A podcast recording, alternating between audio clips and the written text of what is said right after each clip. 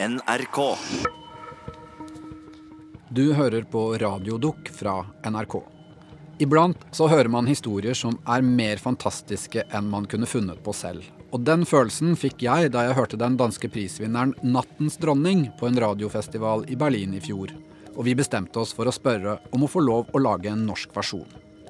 Dette er jakten på en dansk telefonstønner.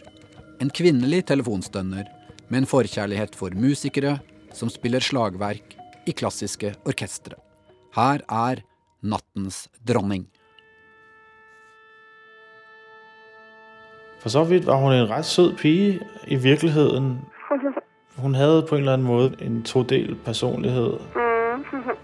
På en måte virket hun nokså normal og velfungerende. Altså den ene normalt fungerende del var sådan Ja, sød og fornuftig og til at snakke med. Men på den annen side dypt pervers og stønnende. Og så havde hun den der anden personlighed, som var dybt, dybt perverteret.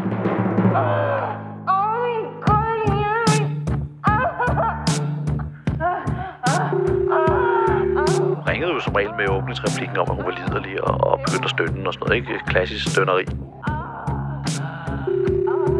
Så, så man, altså man kunne faktisk godt give sig hen indimellem. Og måske oven i købet pille ved sig selv. Jeg er nu på vej ud til operaren. Jeg skal ud og mødes med min gode gamle ven, Mathias, som er slagtøjsspiller, og som for tiden spiller med i en forestilling derude. Det er Thomas som forteller denne historien, som er en jakt på en kvinnelig telefonstønner. Det hele begyndte for fem år siden med en lap papir, som jeg fandt i min bukselomme, da jeg skulle vaske tøj. I fem år har Thomas tenkt på den mystiske kvinnen som har ringt opp menn midt på natten og stønnet ekstatisk. Hvem er hun? På sedlen stod der kvindelig telefonstønder. Hans gamle kompis Mathias var en av dem som hadde blitt oppringt av kvinnen som stønnet. I en sidebemærkning havde Mathias nævnt, at han flere gange var blevet ringet op af en kvindelig telefonstønder. Ret mange gange endda. Og så havde vi snakket videre om arbejde, familie og fremtid og gamle dage. Men så glemte Thomas nesten hele greia, inntil han fant en gammel lapp der han hadde skriblet ned ordene 'kvinnelig telefonstønner'. Og jeg havde egentlig glemt alt om hende. Men så alligevel ikke. For hun havde åbenbart kilet sig fast i min underbevidsthed. Sådan føles det i hvert fald, da jeg genfandt den sammenkrøllede papirlap.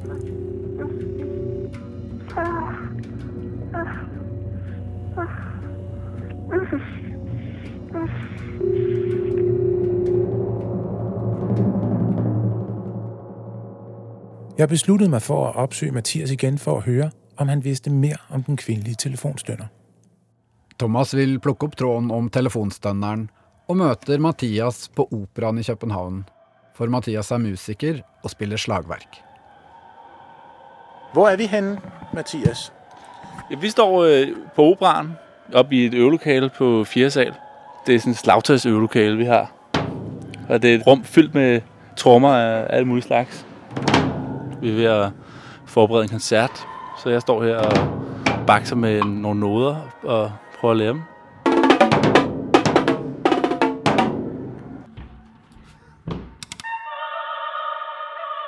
Det er scenen.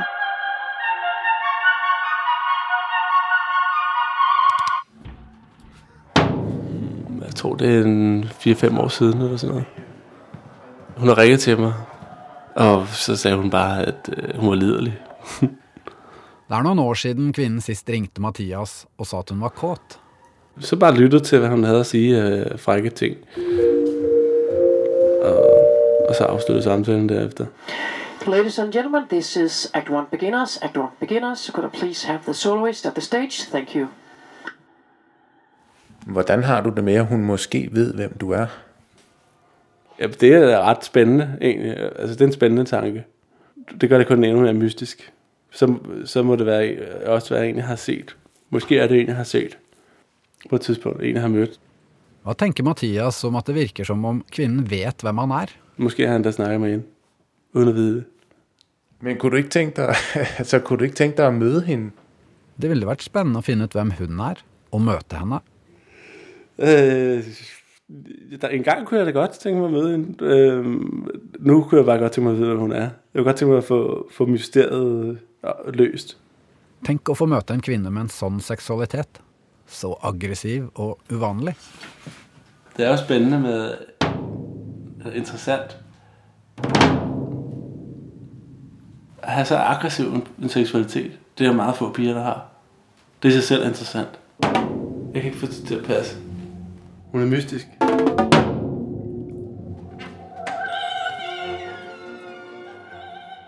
På vej ud af døren fortalte Mathias mig også, at han langt fra var den eneste, hun havde kontaktet.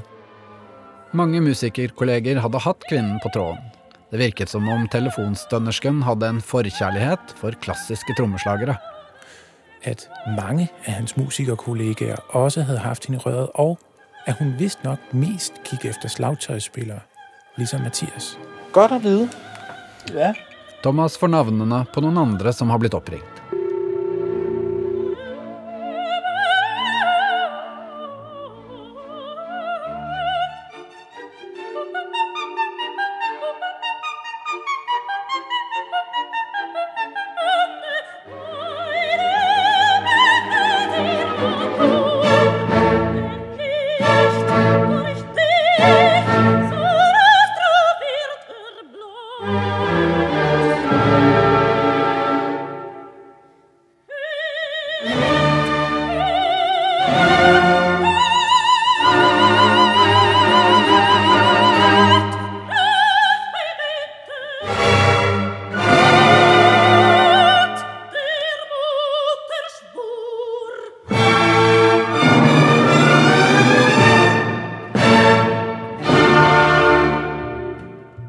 Fik hurtig forbindelse til flere musikere, som også havde snakket med den kvindelige telefonstønder.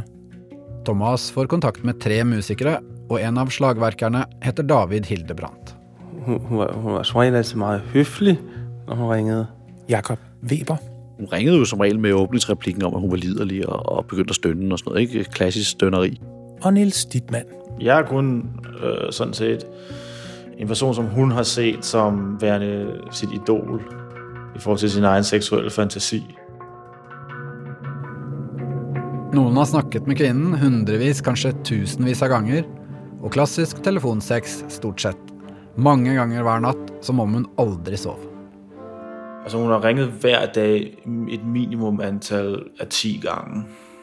Og 8 måneder, det er 240 dage gange 10. Det er minimum 2.400 gange. Minimum.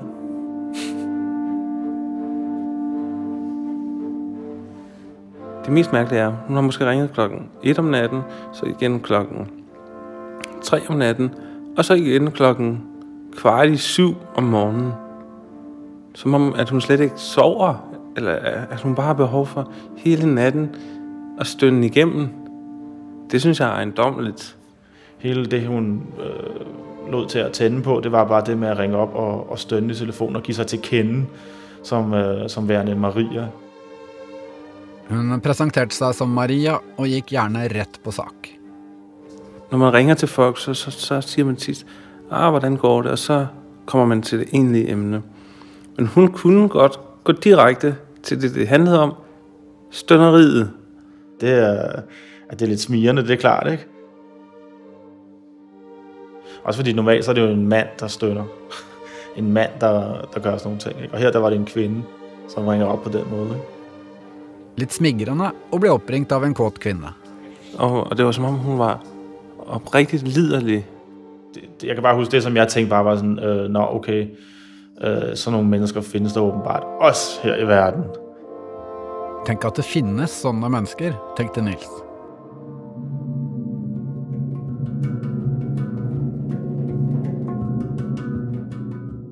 Opkaldene fra Maria, som hun jo altså kaldte sig, var ikke bare tilfældige one-night stands. Hun havde ringet til musikerne siden starten af nullerne. Hverken musikerne eller Thomas forsto hvordan Maria fant fram til sine utkårede menn. Men hun begynte å ringe rundt år 2000. Og på det tidspunkt fandtes hverken Google eller Facebook. Så hvordan Maria udvalgte sine stønderpartnere og hvorfra hun fik sine informationer, var en gåde for musikerne.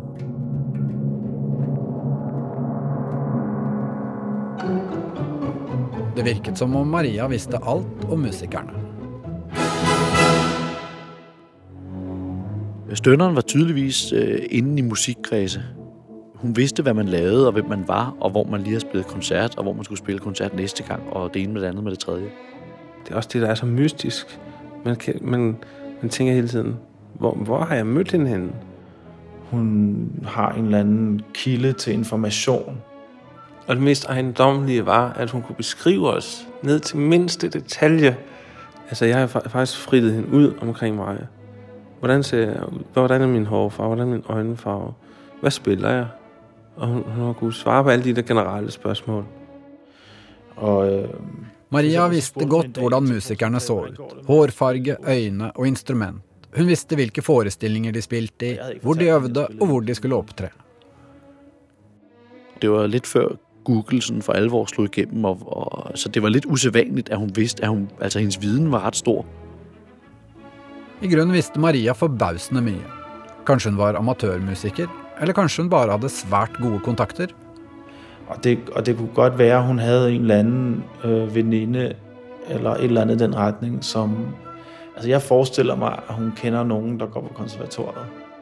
Eller at hun selv er sådan en amatørmusiker, og spiller måske et amatørorkester. Altså, hvis, hvis hun er amatørmusiker og sidder et eller andet sted, så har hun måske fået sådan en forkærlighed for, for, for de der slagtersfyre, der står om bagved.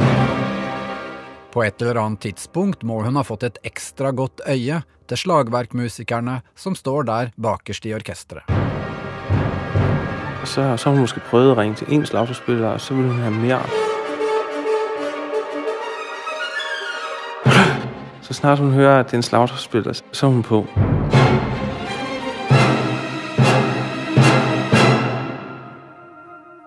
Det var altså ikke tilfældigt, hvem Maria udså som sine stønnepartnere. De var nøje udvalgt. Thomas forstår at Maria hadde håndplukket sine stønnepartnere. Og hun vidste en hel del om deres succesfulde karriere inden for den klassiske musikverden. Musikerne, de havde også et helt klart billede af, hvem Maria var.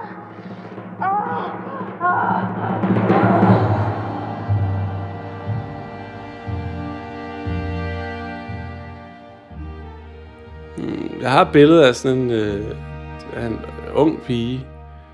Jeg forestiller mig egentlig, at hun er helt almindelig. Altså, hendes, hendes egen øh, beskrivelse var jo, at hun var 17. Hun var blondine med store bryster. Ikke? Altså, det var, det var hendes... Det var den måde, hun altid beskrev sig selv på. Um, De så for seg Maria slik hun beskrev seg selv. 17 år, blond og med store bryster.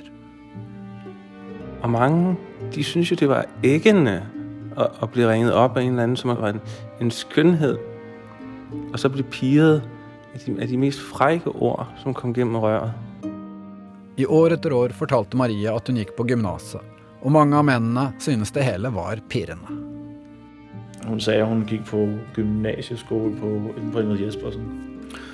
Øhm, og hvor jeg så også fik øh, fremskaffet sådan en, en årsbog derinde fra på det tidspunkt. En av dem skaffet seg en årbok fra skolen hun sa hun gikk på, for å se om det fantes en blond Maria som passet, men nei. Så telefonstønderen, der kaldte sig Maria, var altså en 17-årig storbarmet gymnasiepige med blondt hår. Og det havde hun været i 10 år. Og hvad er det for et menneske, der har en sådan hobby? Det, det, det kan jeg ikke undgå at, at pire min nysgerrighed. Men jeg synes, det vil være dybt interessant at, at ja, faktisk at møde hende og finde ud af, hvad, hvad det er for en person, der har det behov. Det er specielt at ringe til så mange mennesker mm-hmm. og stønne så meget. Ja. Og hvi- hvis jeg så det her menneske i levende live, så ville jeg måske komme til at, at, kende mere til, til menneskevæsenet som sådan. Og alle dets facetter.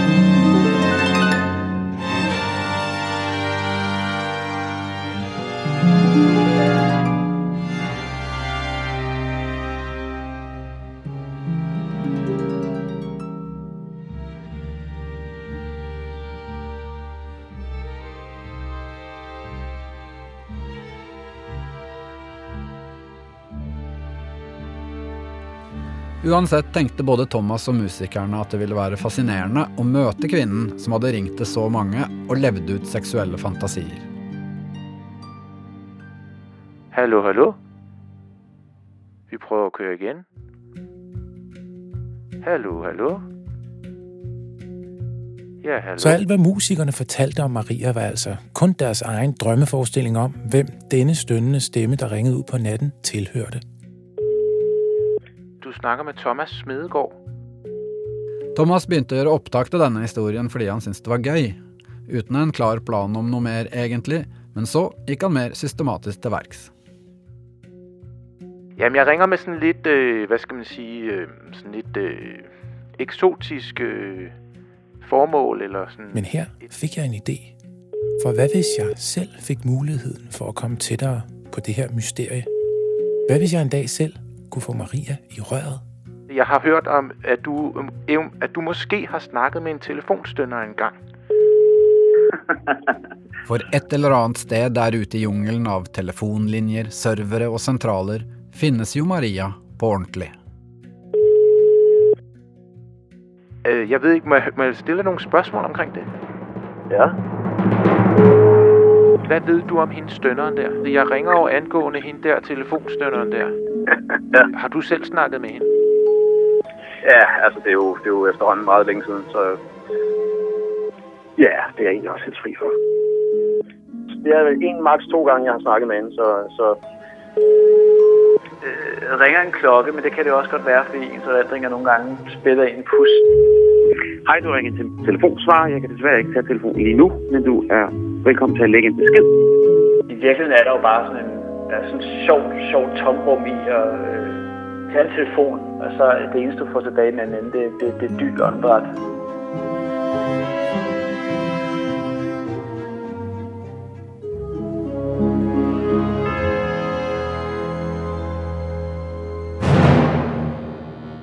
Telefonsønderen var det helt store samtaleemne i orkestergravene. Musikerne snakket mye om hva som kunne lede dem på spor av Maria. Noen hadde forsøkt å prate med henne, noen hadde prøvd å invitere henne ut. Men Maria beholdt kontrollen. Nogen havde forsøgt at få en seriøs samtale i gang efter stønneriets klimaks. Fælles for alle musikerne var, at de ville vide mere. Efter et stykke tid, så gik der sådan gik der lidt sport i, og se om man ikke kunne, få, øh, man ikke kunne se at finde ud af, hvem det var, der gemte sig bag den der.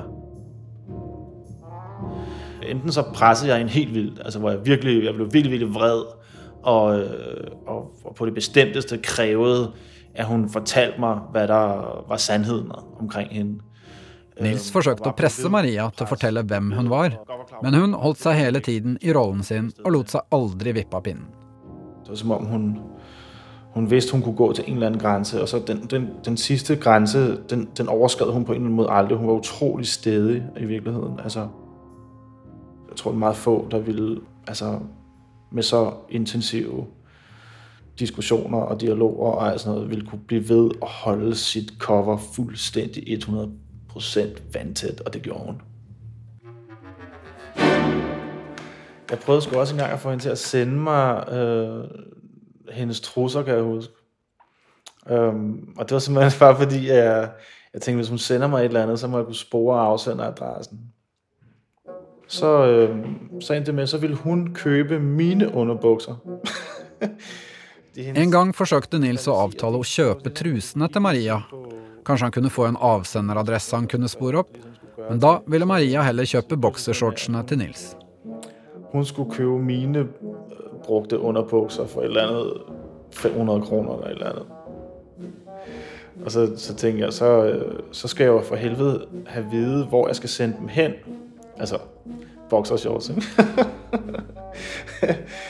øhm, Det ble verken utveksling av adresser eller undertøy. Maria var ikke helt den som ville underkaste seg. Øhm, og så ville hun have, at jeg skulle lægge min brugte boxershorts i en pakke der på et eller andet toilet, og så kunne hun afhente dem eller et eller andet. Det, det blev selvfølgelig aldrig til noget. Øhm, På den måde, så var det vel ikke hende, der var den underkastet.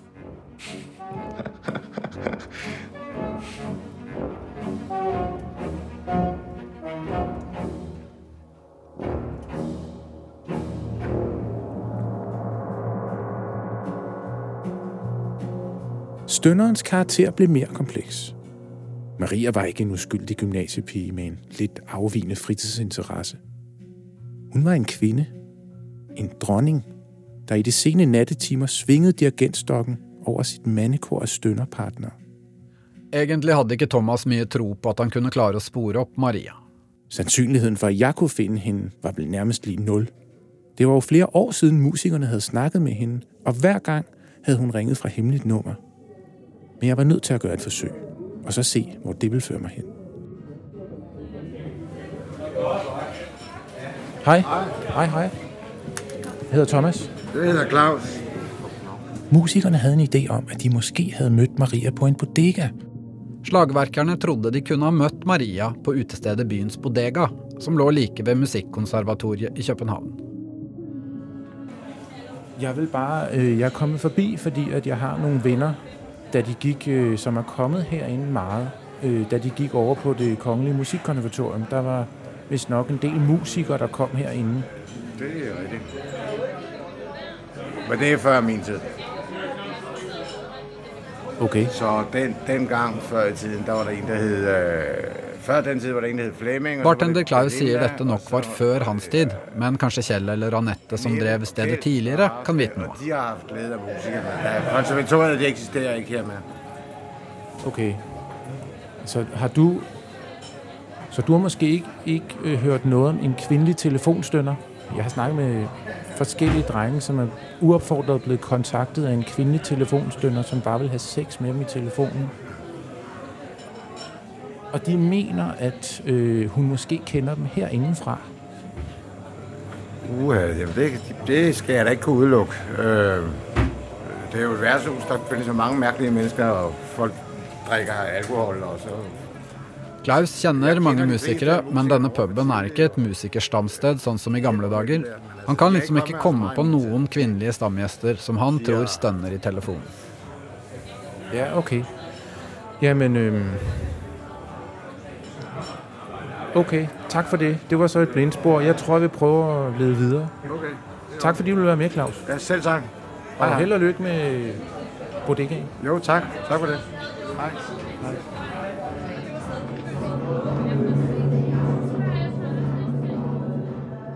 Ved siden av sporet til puben var det en annen het teori blant musikerne. Nemlig at Maria også var klassisk musiker. Kanskje en messingblåser? Kvinnelige messingblåsere er jo kanskje litt sånn Jeg tror, hun er amatørmusiker, og hun spiller et messinginstrument. Jeg, jeg ved ikke hvorfor, men, men de, de amatør-messingblæser af kvinder, jeg har mødt, det er det, der kommer tættest på den type, jeg kunne forestille mig, at hun er i virkeligheden. Ud fra hendes karakter vil jeg sige, hun er sådan lidt over i messingblæser-karaktertypen. De klassiske musikerne setter hverandre litt i bås. Treblåserne er gjerne flinke, mer nerdete typer. Slagverkerne litt småskurkeaktige. Og pianistene er sånne intellektuelle. Mens messingblåserne, det er sånne som liker å gå på bar. Det synes jeg er underligt, fordi det siger David Hildebrandt også. Jamen, det er jo fordi, enhver som, som uddannelse som klassisk musiker, som gennemgår en konservatorieuddannelse, vil uundgåeligt finde ud af, at alle, øh, der studerer et instrument, de henhører under en eller anden bestemt karakter, som, som relaterer sig til det instrument, eller den instrumentgruppe, som man har valgt at, at spille på.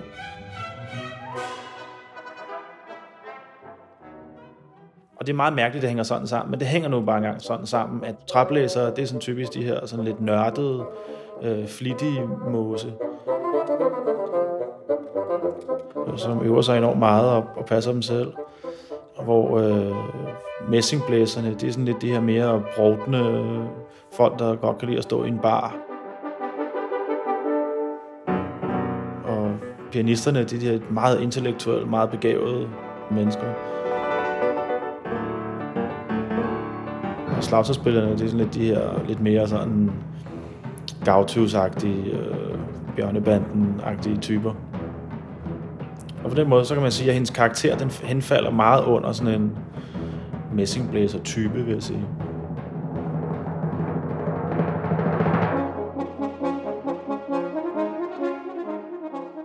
Jeg tænkte, hun spillede... Øh, jeg tænkte, hun var messingblæser, men det, det var bare en idé, jeg havde, fordi messingblæser er lidt perverse jo, som vi siger. Så det passede fint med det.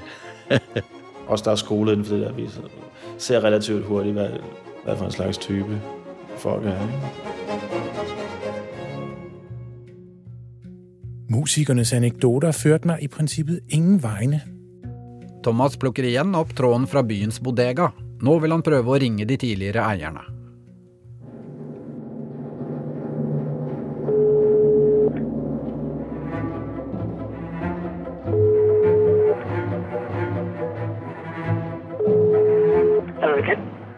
Kjeld, det er Thomas. Øh, jeg prøvede at ringe til dig for et par dage siden, men der tror jeg, mit headset ikke virkede. Øh, du fik et opkald, hvor at du nok ikke kunne høre mig, tror jeg. Ja, det er rigtigt. Jeg vil høre, at I de tidligere ejere af byens bodega? Ja. Okay, cool nok. Jamen, øh, Kjell vet ikke så mye om noen kvinnelige telefonstønner, men datteren hans møtte en hornist som hun giftet seg med. okay. Nå, det var da meget pudsigt. Ja, det er meget øh, Har I hørt om sådan en kvindelig telefonstøtter? Altså, fordi det, det som øh, de tænkte, de der forskellige musikere, det var, at det kan være, det er en, de har mødt på byens bodega, nemlig. Men kanskje Kjells kone Anette vet noe? Hun jobbet jo også på byens bodega for noen år siden.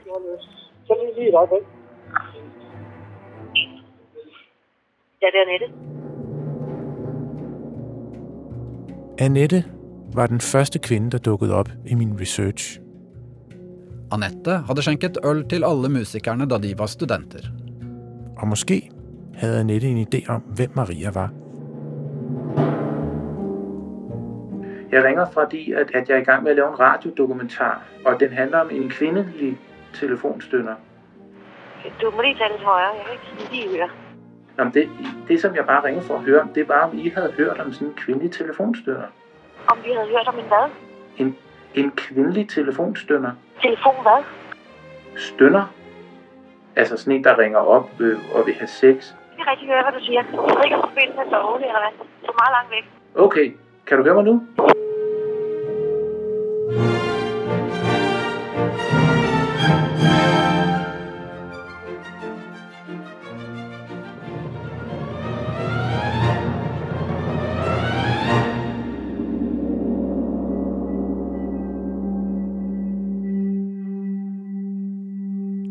Hele sin seksualitet, den foregik i hendes indre univers, altså i hendes hoved og i hendes, øh, i hendes tanker og, og i telefonen, fordi når man netop spurgte om hun... Om Slagverkeren Jakob foreslo for Maria at de jo kunne ta en kaffe en dag for å snakke mer om alle fantasiene, som ofte var temmelig drøye. ligesom, det, det, det, det havde hun ikke lyst til. Hendes seksualitet var meget mystisk og meget øh, avanceret. Og det var jo tit noget med meget hård sex, øh, tit øh, næsten indblandet noget, noget, noget øh, sadistisk.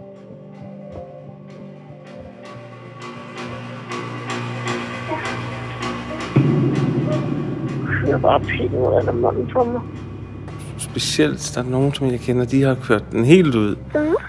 Noen av musikerne har vært mer med på notene enn andre, og aktive i ganske grov telefonsex. Og hun synes, det er herligt. Ja. Åh, jeg skat.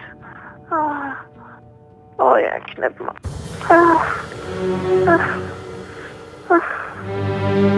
Så den store pik for mig. Og hun ville gerne have, at folk spillede med på lejen og fortalt, hvad, hvad de ville gøre ved hende sådan helt konkret. Åh, knæp mig skat. Ja. Hvis man havde et samleje, og om, om de ting, hun, hun sagde og sagde, hun ville gøre ved en. Ja. Ja. Så, så man, altså man kunne faktisk godt give sig hen indimellem, og måske oven i købet pille ved sig selv. Hun skulle gøres til noget, der var, der var mindre end, end, øh, end det lort, som hun skulle tvinges til at æde på gulvet. Det var elementer av underkastelse. Maria ville gjerne behandles som en dritt i telefonen. Altså, det, jo, men altså, det var så hendes fantasi.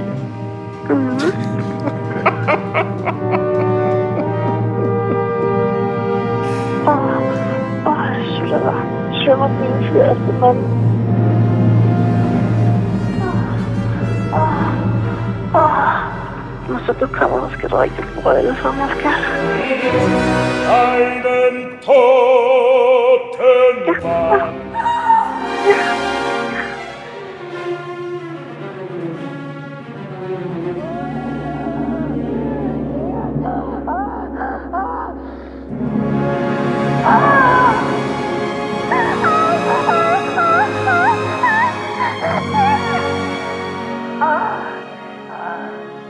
Så kunne man mærke, hvor stor nydelse det gav i den anden ende af telefonrøret.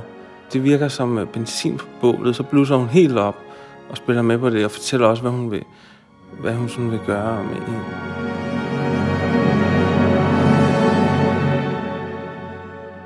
Det er også rart at glæde andre mennesker, kan man sige. David mener det handlet om å glede hverandre.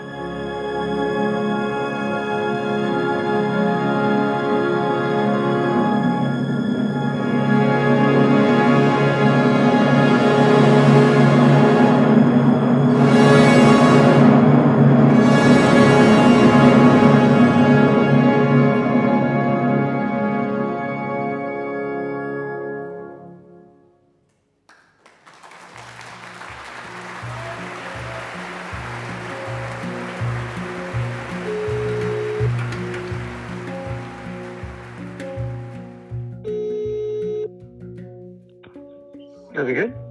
Jeg har Kjeld. Øh, det er Thomas øh, Smedegaard. Træffer jeg Annette? Det gør du. Så er vi her lige op, ikke? Tak. Er det Annette? Ja, hej Annette. Det er Thomas. Øh, Jeg ringede, øh, altså jeg ringer fordi, at jeg ringede for en måneds tid siden, eller sådan noget. Thomas ringer opp Anette enda en gang. Kanskje hun vet hvem musikerne er av en eller annen grunn? Øh, fordi jeg er i gang med at lave den her radiodokumentar. Jeg spurgte om sådan noget med en, en telefonstønder og sådan noget. Okay.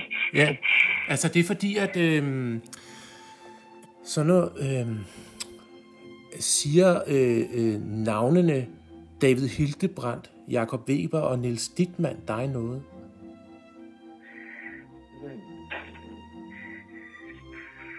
Altså umiddelbart, så er jeg ikke så god til navne.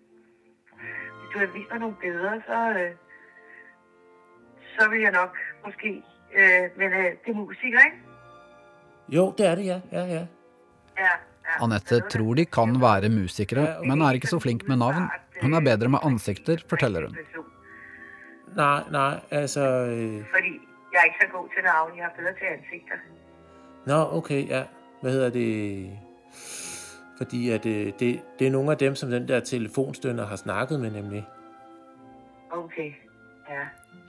Øh, Men øh, øh, okay. du, du må have det godt. Ja, okay, du. Øh, Og- og held og lykke øh, lige, lige et sidste spørgsmål. Et sidste spørgsmål. Ja. Det er ikke dig, der er telefonstønderen, vel? Nej, det er det ikke. Okay. Det er godt Nej, nej, nej, det er okay. afkræfte. Okay, fint. Jamen, så skal, jeg nok, godt, du. så skal jeg nok lade være forstyrre. Undskyld forstyrrelsen. Okay, du. Hej, hej, hej.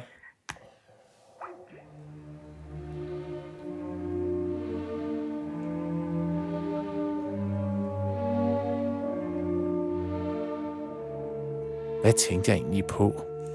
At ringe og afbryde midt i aftenshowet, en ganske almindelig fredag at spørge en stakkels kone, om hun lige tilfældigvis skulle være telefonstønder med speciale i klassiske musikere.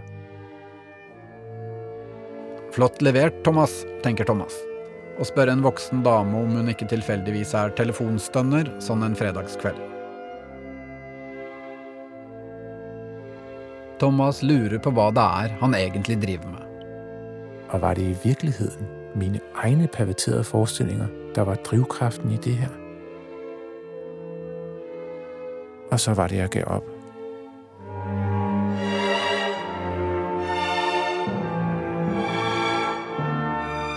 Pludselig gik det op for mig, at jeg havde spildt min tid. På noget, der ikke gav mening eller på nogen måde kunne bruges til noget. Og så var det slut.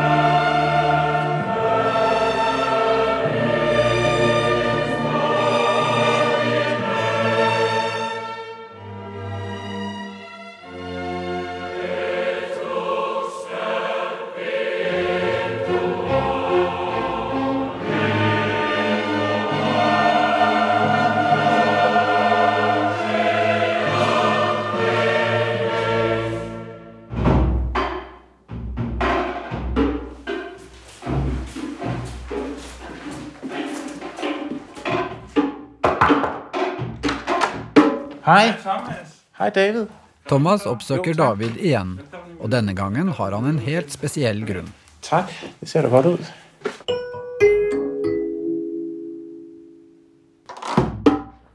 Jeg kommer lige lidt tættere på dig. Ja, goddag. Kan du høre mig overstyre den? Nej, det er fint. Meget, meget fint. Så går vi i gang med interviewet. Ja, er du klar? Jeg er klar. Øh, det var efterhånden et par år siden, jeg havde opgivet historien om Maria. Jeg havde egentlig ikke tænkt særlig meget over hende siden. Men så skete der noget. Akkurat det samme sted, som det hele var startet. I køkkenet hos Mathias. Det hadde faktisk gått flere år siden Thomas jobbet med telefonstønnersaken, og han hadde lagt den bak seg, men så var han på besøk hos Mathias der historien en gang startet, og fikk vite at det hadde skjedd en utvikling. Og Mathias mente, at det var David, jeg skulle tale med, da det var ham, der senest havde været i kontakt med Maria. Jeg var jo forbi Mathias her for et par uger siden, eller sådan noget i den stil, og han øh, fortalte mig, at der var sket noget nyt i støndersagen. Ja, det er der også.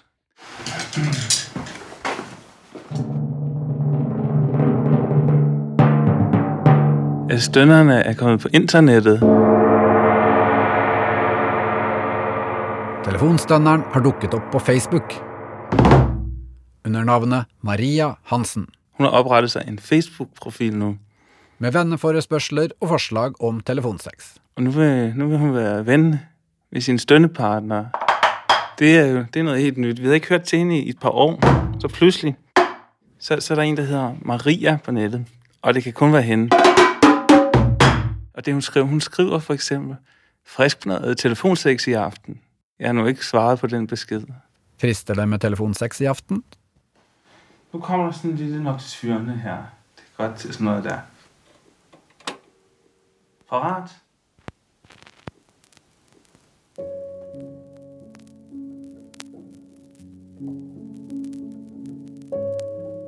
Jeg vil tro, det er en 3-4 måneder siden. Så var der, så, så, så henvendte hun sig på internettet. Altså, hun kalder sig Maria Hansen. Jeg er ikke sikker på, at det er hendes rigtige navn. Og jeg har ikke, jeg har ikke klikket ja på hende. Men, men jeg har den stadigvæk, så vi, man kan, vi kan faktisk gå ind og kigge på den. Jamen, så lad os Så gøre det, det. Skal vi kigge på det? David har ikke akseptert Maria som venn på Facebook, men han har heller ikke slettet forespørselen. Nu skal du bare se her. Venner. Se, men hun har ikke sat billede på. Så hun er... Der er jo det ved hende. Hun er meget, meget hemmelig. Jeg kan ikke få så meget ud af hende. Øh, okay, og du har, hun har, og hun har spurgt dig, om I skulle være venner. Ja, men det er lidt risky. Så jeg har ikke, jeg har ikke godkendt den, men jeg har så heller ikke slettet den, fordi jeg ved egentlig ikke, hvorfor.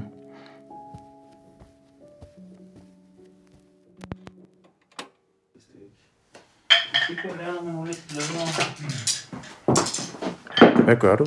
Bare prøv nogle andre kølder.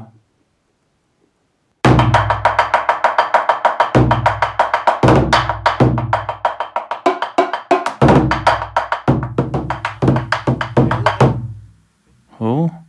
Altså, jeg, jeg kunne godt tænke mig at komme til at snakke med hende. Ja. Hvordan kunne vi gøre det? Jamen, det, det er bare det meget let. Thomas har selvsagt lyst til å komme i kontakt med Maria. Men hvordan? Hvis jeg nu skriver til hende, at jeg har en ven, som savner telefonsex, eller et eller andet, hvad vi nu kan finde på. Nu skriver vi til Maria. Kære Maria. Hvis de sender en beskjed til Maria om at Thomas er interessert i en het telefonsamtale, så kanskje hun ringer? Derfor giver jeg dig nummeret til en god ven, som meget gerne vil stønne. Han hedder Thomas. Må man gerne sige dit rigtige navn? Ja, det er meget godt, ikke? Og har nummer, og så skal jeg lige have dit nummer. Så sender vi. Og hvad, er det, hvad kan jeg forvente nu? Nu tror jeg godt, du kan forvente, hun ringer. Måske nærmest i aften. David tror at Maria ikke vil klare å styre seg. Altså, jeg tror, når hun har fået sådan en, en klar melding her om telefon 6, så er hun fuldstændig ukuelig. Hun kommer til å ringe til Thomas.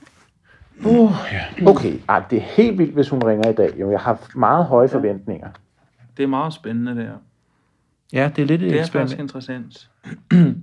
altså, jeg synes, hvis det lykkes der at komme lidt til bunds i, hvad det er med den her mystiske, mystiske person, som i overvis har telefoneret til især musikere jo, og rigtig mange slagterspillere.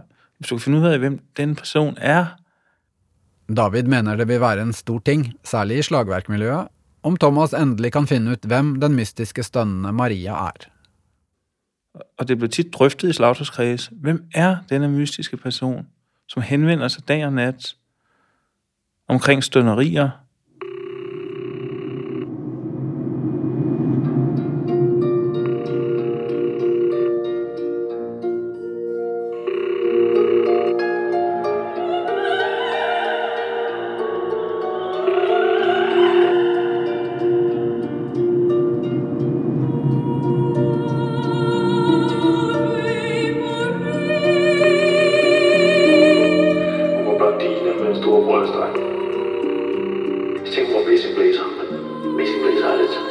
pervers øvelse. Og hvis jeg så ikke et menneske i levende live, så ville jeg måske komme til at, at, at kende mere til, til menneskevæsenet som sådan. Og alle dets facetter.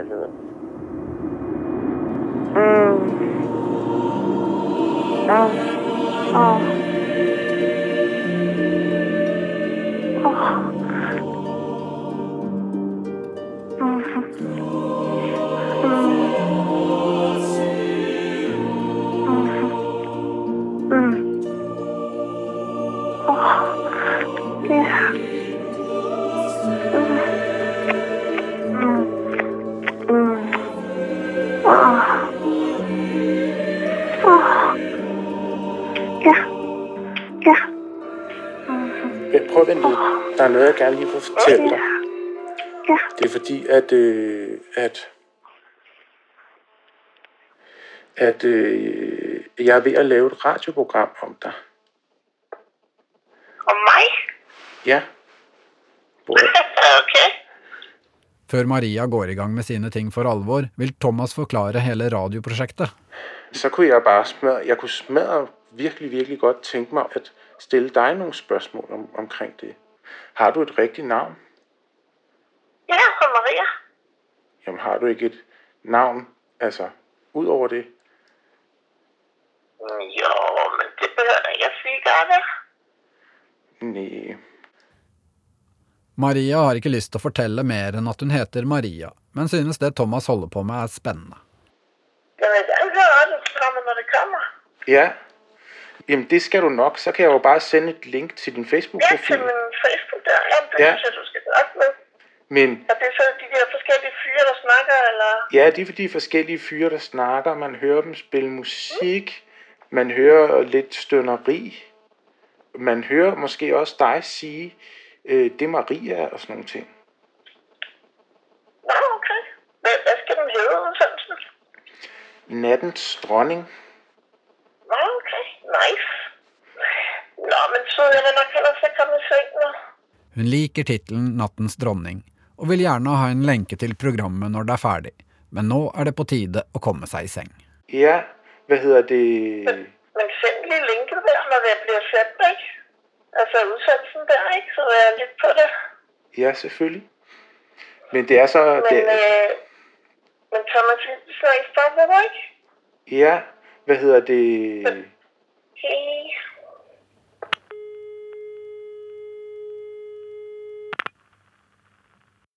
Det var det. Her ender historien om Maria. Med en telefonsamtale en sen nattetime i december. Det er det tætteste, jeg kommer på den stønnende, storbarmede blondine. Det ender her. En telefonsamtale en sen kveldstime var alt Thomas fikk snakket med Maria. Hun afslog alle tilbud om at mødes. Men det er også der, i telefonen, hun hører hjemme. Men kanskje det er sånn det skulle være, at nattens dronning kun eksisterte i telefonen. Og hvem ved, måske en gang om 30 år. Det kan jo være, at hun en dag ringer.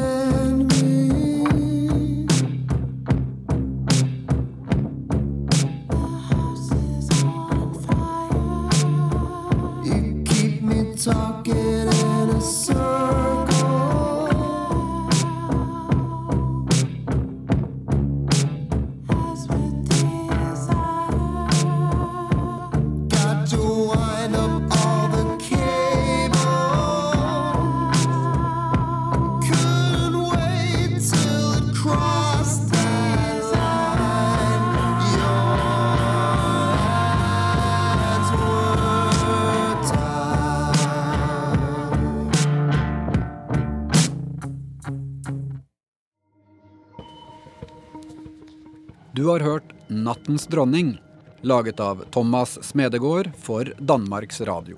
Lyddesigner var Mikkel Rønnaug. Norsk versjon var ved meg, Kjetil Saugestad, og sluttmiks ved Merete Antonsen. Har du tilbakemeldinger, så tar vi både mot og bringer dem gjerne videre til våre danske kolleger. Send oss i så fall en e-post på radiodok at nrk.no. NRK.